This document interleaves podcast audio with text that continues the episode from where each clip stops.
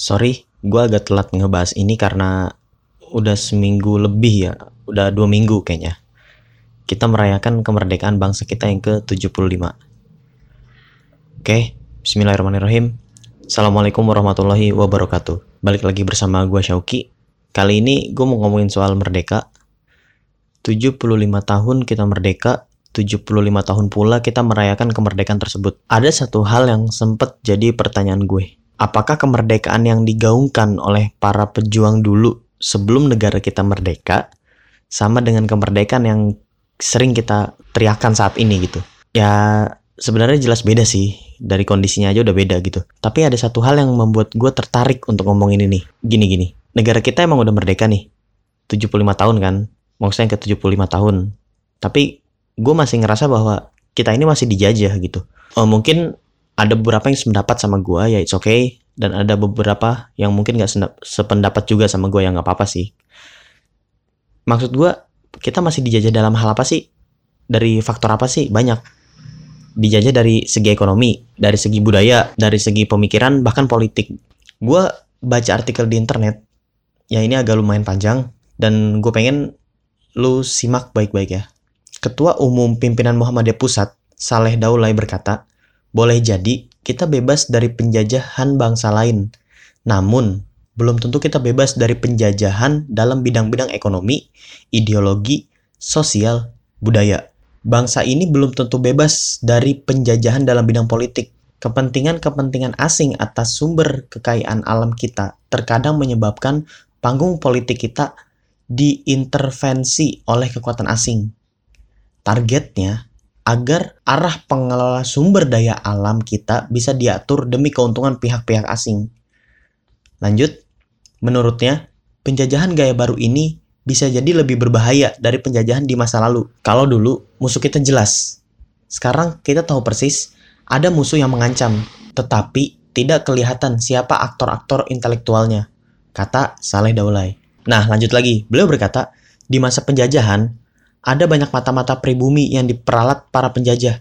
Sekarang banyak juga mata-mata yang mewujud dalam berbagai aktivitas sosial untuk kepentingan asing. Mana yang lebih berbahaya? Tentu yang lebih berbahaya adalah mata-mata yang ada sekarang. Lanjut, beliau masih berkata, kemerdekaan sesungguhnya adalah kebebasan bangsa dan negara Indonesia dalam menentukan arah dan tujuan secara mandiri tanpa campur tangan asing. Selain itu, bangsa Indonesia juga harus dibebaskan dari kemiskinan, kebodohan, ancaman penyakit, bencana alam, dan segala sesuatu yang mengganggu terciptanya masyarakat yang adil dan makmur. Untuk mencapai tujuan itu, pemerintah harus memastikan bahwa seluruh kekayaan alam dan segala sesuatu yang terkandung di dalamnya dimanfaatkan semaksimal mungkin bagi upaya memakmurkan rakyat. Karena itu, pendidikan, kesehatan, penciptaan lapangan kerja, dan keamanan harus menjadi prioritas utama agar tercapai keadilan, pemerataan pembangunan, dan akses pada modal usaha harus dibuka selebar-lebarnya.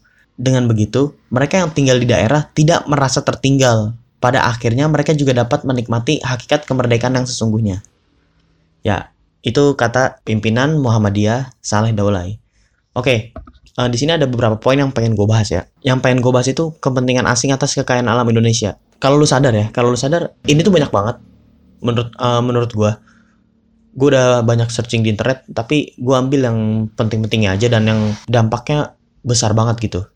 Yang pertama Freeport. Ini udah familiar banget di kuping kita. Papua bisa dibilang salah satu atau mungkin satu-satunya sumber emas terbanyak yang ada di dunia. Kalau kalian tahu sekitar 50 tahun mungkin ya kalau gue salah tolong koreksi sekitar 50 tahun Freeport mengambil alih emas yang ada di Papua Coba kalian tengok Papua. Di saat sumber daya alamnya selama puluhan tahun terus diambil oleh asing, apa yang Papua dapat? Papua adalah daerah yang sumber daya alamnya banyak cuy. Tapi paling jarang disentuh pemerintah. Sementara mereka banyak berkorban, hutan mereka dibabat habis. Sekolah di sana pun nggak semewah sekolah-sekolah yang ada di daerah asal kita gitu loh. Jadi apa ya sekolah-sekolah di Papua tuh nggak semewah sekolah-sekolah yang kita lihat gitu. Gue punya kakak kelas dulu pas mondok beliau, uh, beliau orang Papua itu gue ngelihat postingan-postingan keseharian beliau di Facebook ya nggak kayak keseharian-keseharian kita gitu loh. It's okay lah Papua emang banyak desa-desanya emang itu. Tapi yang gue garis bawahi bukan itu sebenarnya. Yang gue garis bawahi adalah berapa banyak orang-orang di Papua sana yang bisa melanjutkan sekolah ke jenjang tertinggi. Karena gini, kalau seandainya kita mau untuk mengelola sumber daya alam yang ada di Papua tanpa ada campur tangan pihak asing, mungkin Papua sendiri akan mendapatkan feedbacknya. Mungkin emas-emas yang diambil, yang digali di sana, mungkin itu bisa jadi sumber pemasukan untuk pemerintah Papua agar mereka bisa memberikan pendidikan yang layak atau mungkin membantu rakyat-rakyat yang setidaknya kurang mampu lah di sana gitu. Yang kedua, tambang geotermal di Jawa Barat. Geotermal ya bahasa simpelnya panas bumi lah di Indonesia, kalau kalian tahu, ada banyak banget gunung berapi yang masih aktif atau biasa dikenal dengan kawasan ring fire. Pasti kalian yang belajar IPS inget banget. Ini tuh pelajaran SD kalau nggak salah. Jadi Indonesia ini kawasan ring of fire. Jadi banyak gunung-gunung berapi yang masih aktif. Nah, hal ini berpotensi untuk digali dan dijadikan ladang panas bumi atau geotermal geotermal sorry sorry kalau gue salah penyebutan ya geotermal atau panas bumi tadi. Salah satu yang terbesar itu ada di Gunung Salak yang dikelola oleh PT Chevron. Energi panas bumi, ini kalau kalian tahu ya, energi panas bumi yang dikelola oleh PT Chevron mampu dikonversi menjadi energi listrik dalam jumlah besar. Yang miris adalah masyarakat kita di daerah Gunung Salak sana masih banyak yang menggunakan penerangan seadanya atau mungkin mereka nggak dapat listrik sama sekali gitu loh. Jadi yang seharusnya kita mampu untuk mengelola sumber daya alam itu dan dimanfaatkan oleh kita, ini justru malah bangsa asing yang mengambil alih. Ya, kita ini tuan rumah gitu loh. Sumber daya alam kita banyak, banyak, banyak, banyak banget. Tapi kita sendiri nggak entah walau alam ya gue nggak tahu kita sendiri nggak bisa untuk mengelola hal itu gue yakin kita bukan nggak mampu gue yakin kita mampu kok yang jadi pertanyaan adalah kita mau atau enggak itu aja Sim sesimpel itu bahkan ya bahkan mungkin ini familiar banget di, di telinga kalian kalau kalian yang melek politik ya. Bahkan kita negara dengan beribu kepulauan, kita masih ada impor garam. Miris nggak lo? Lu yang harusnya bisa, kita yang harusnya bisa membuat garam sendiri. Tapi garamnya kita masih minta ke negara lain, masih beli di negara lain. Itu miris banget sih menurut gua gitu. Ya sekarang gini, kalau misalkan kita impor garam, lantas para pembuat garam hasil buah tangan mereka siapa yang beli gitu. Sementara kita garam aja impor. Itu yang harusnya jadi pemikiran buat kita gitu. Karena yang tadi gue bilang kita ini merdeka it's okay kita ini merdeka. Tapi kan sebenarnya ada beberapa faktor yang sebenarnya membuat kita masih terlihat dijajah gitu loh. Salah satunya ya ini tadi faktor ini tadi kita punya sumber daya alam tapi pihak asing yang masih mengelola. Yang harusnya itu kita bisa dikelola dan 100% kita manfaatkan untuk masyarakat kita pribadi, masyarakat kita Indonesia. Miris banget kan? Sebenarnya masih ada banyak lagi sih, ada beberapa lagi yang gue searching-searching di internet, tapi ya gue bahas dua itu insya Allah cukup lah untuk menjadi gambaran bagi kita bahwa negara kita belum sepenuhnya merdeka. Ini baru dari kekayaan alam, bagaimana dengan pola pikir, kebebasan berpendapat. Wah itu pusing banget menurut gue, serius kalau gue bahas semua itu bakal panjang banget. Makanya wajar aja sih kalau ada yang bilang negara kita ya begini-begini aja. Atau mungkin lebih buruk. Nauzubillah sih ya kalau lebih buruk. Pasti kita nggak pengen kan negara yang udah kita perjuangkan dengan susah payah, dengan keringat, darah, air mata, dan pengorbanan kembali direbut. Dan kita menjadi budak di negara kita sendiri. Sumpah ini miris banget. Coba lu bayangin jika para pejuang yang gugur dalam memerdeka bangsa kita melihat kondisi negeri kita yang ya seperti sekarang gitu loh. Belum lagi kemiskinan, kelaparan, gizi buruk. Ya sisanya kalian sebutin sendirilah. Kita ini hidup di masa yang kaya makin kaya, yang miskin makin miskin, dan kursi kekuasaan dapat dibeli, hukum dapat dimanipulasi. Lu visualisasiin sendiri aja betapa buruknya negara kita. Belum lagi lapangan kerja yang makin susah dicari. Aduh, pusing gue sebenarnya mikirin gini coy. Dan yang sampai saat ini masih jadi pemikiran buat kita adalah kita masih pusing masalah corona, bener gak sih? Di saat pandemi seperti ini, banyak orang yang kehilangan pekerjaannya, di PHK ya, ya di PHK, lapangan kerja makin susah. Lagi nggak wabah aja lapangan kerja kita susah gitu. Sekarang udah wabah, ya susahnya dua kali lipat. Kita ini bekerja pastinya untuk sebuah tuntutan ya yang yang udah dewasa. Pastinya contoh gue juga pribadi kita bekerja itu ya sebuah tuntutan. Karena kita butuh makan kita butuh minum kita butuh tempat untuk berteduh. Sementara kita harus bayar ini bayar itu. Ya gitu deh. Belum lagi corona ini apa ya? Gue nggak tahu ya sebenarnya corona ini buatan maksudnya benar-benar dibuat atau emang real penyakit baru yang baru muncul gitu karena banyak banget konspirasi-konspirasi tentang corona inilah apalah itulah ah udahlah. Ya itu bukan topik pembahasan kita kali ini ya. Oke, jadi kita lanjut. Sebenarnya masih banyak hal yang nampak di depan mata kita. Entah kita sadar atau enggak bahwa negeri kita ini masih dijajah. Gue ambil contoh lagi. Yang baru-baru ini lagi anget beritanya. Gue nggak mau nyebut siapa orang ya. Tapi kalau lu melek politik, pasti lu tahu siapa dia. Ini gue ambil di internet. Lu bisa cari sendiri ntar dengan keyword dokter asing dipermudah masuk Indonesia. Oke, gue bakal bacain. Jadi, gue pengen lu simak baik-baik. Menteri Koordinator Bidang Kemaritiman dan Investasi, gue gak mau sebut namanya, mengatakan pemerintah bakal mempermudah dokter spesialis asing masuk ke Indonesia. Rencana tersebut dimaksudkan agar masyarakat tak perlu ke negara lain untuk berobat. Oke, itu gue baca setengah doang. Sebenarnya ada beberapa lagi ke bawah, tapi uh, gue singkat aja ya. Gue singkat. Jadi intinya adalah dokter asing bakal dipermudah masuk ke Indonesia dan hal itu udah dikasih lampu hijau sama presiden kita ya kalau udah ada lampu hijau dari presiden berarti kan tinggal kayak pengesahannya aja gitu loh. Dan konon katanya nanti di Indonesia bakal dibangun rumah sakit berskala internasional yang diisi oleh dokter-dokter asing, dokter-dokter spesialis asing. Nah, gue bakal bacain dampak positif dan negatifnya. Ini menurut gue pribadi ya. Lu boleh setuju boleh enggak. Ya terserah ini kan opini gue gitu loh. Oke, dari dampak positifnya terlebih dahulu. Seperti yang disebutkan bahwa agar masyarakat tak perlu lagi berobat ke luar negeri. Yang tadi disebutin ya. Oke lah.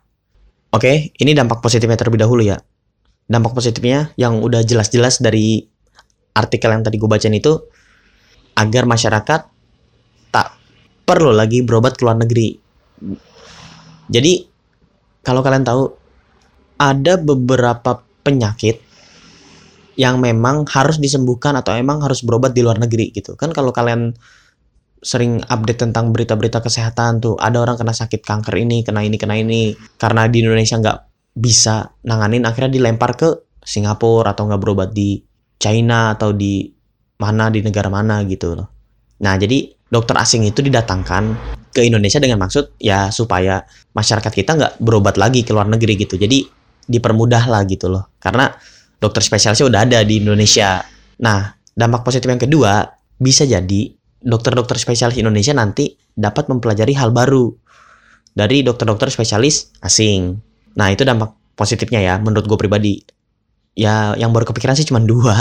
Tapi kalau lu mau nambahin ya silahkan aja gitu. Oke, sekarang gue bakal ngasih tahu dampak negatifnya. Oke, sekarang dampak negatifnya ya.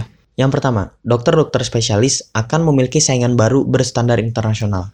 Sekarang gini, masyarakat kita itu cerdas, SDM kita itu banyak. Tapi bagaimana jadinya kalau sumber daya alam manusia ini tidak dimanfaatkan sebagaimana mestinya?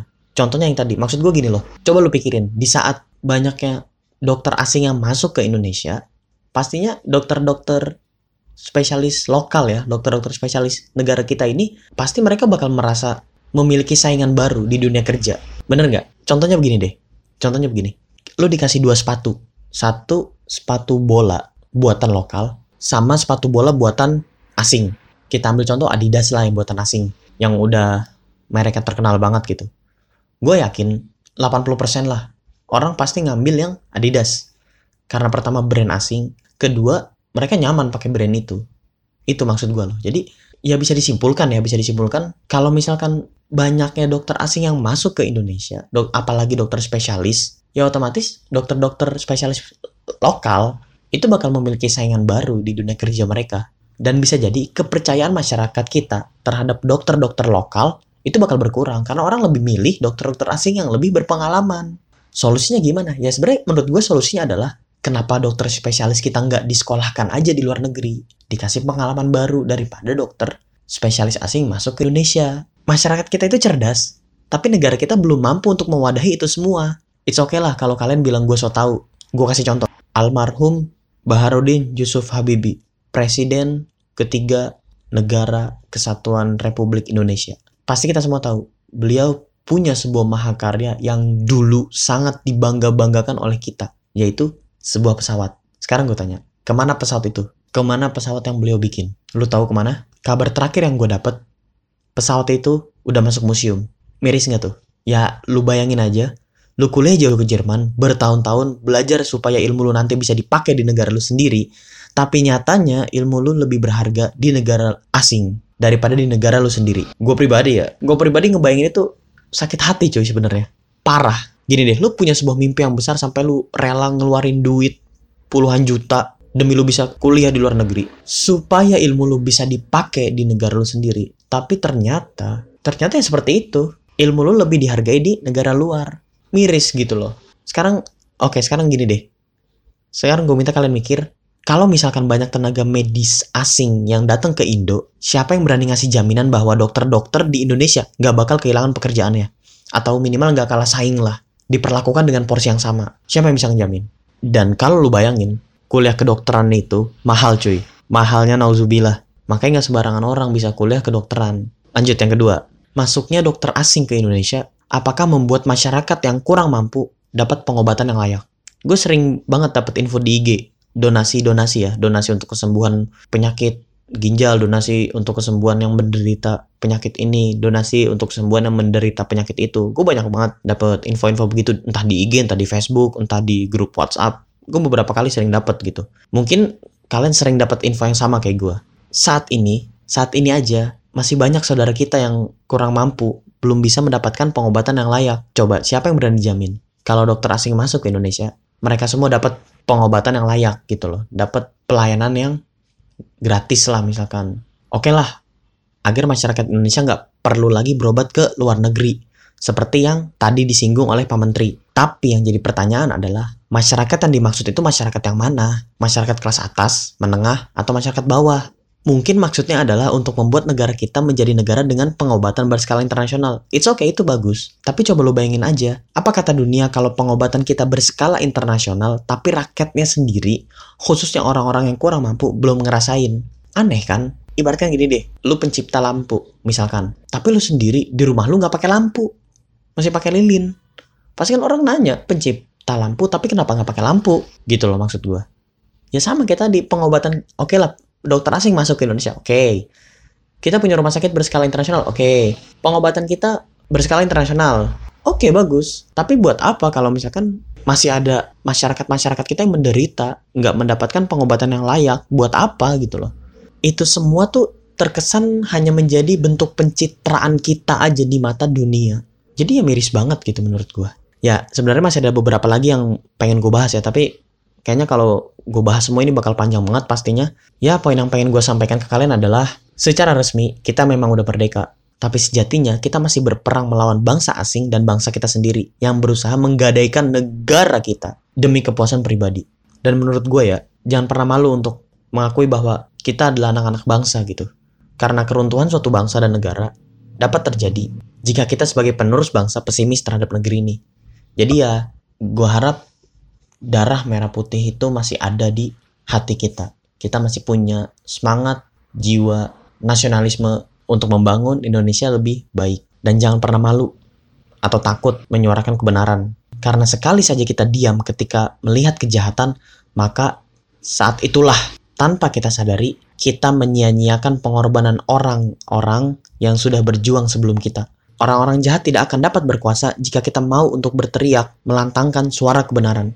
Oke, sampai di sini pertemuan kita. Sorry kalau gue banyak salah kata, banyak salah sebut. Ya, salah apa pun itulah. Karena gue pribadi juga manusia biasa dan ya manusia tidak luput dari salah dan lupa. Mahala tuh khota wanisya.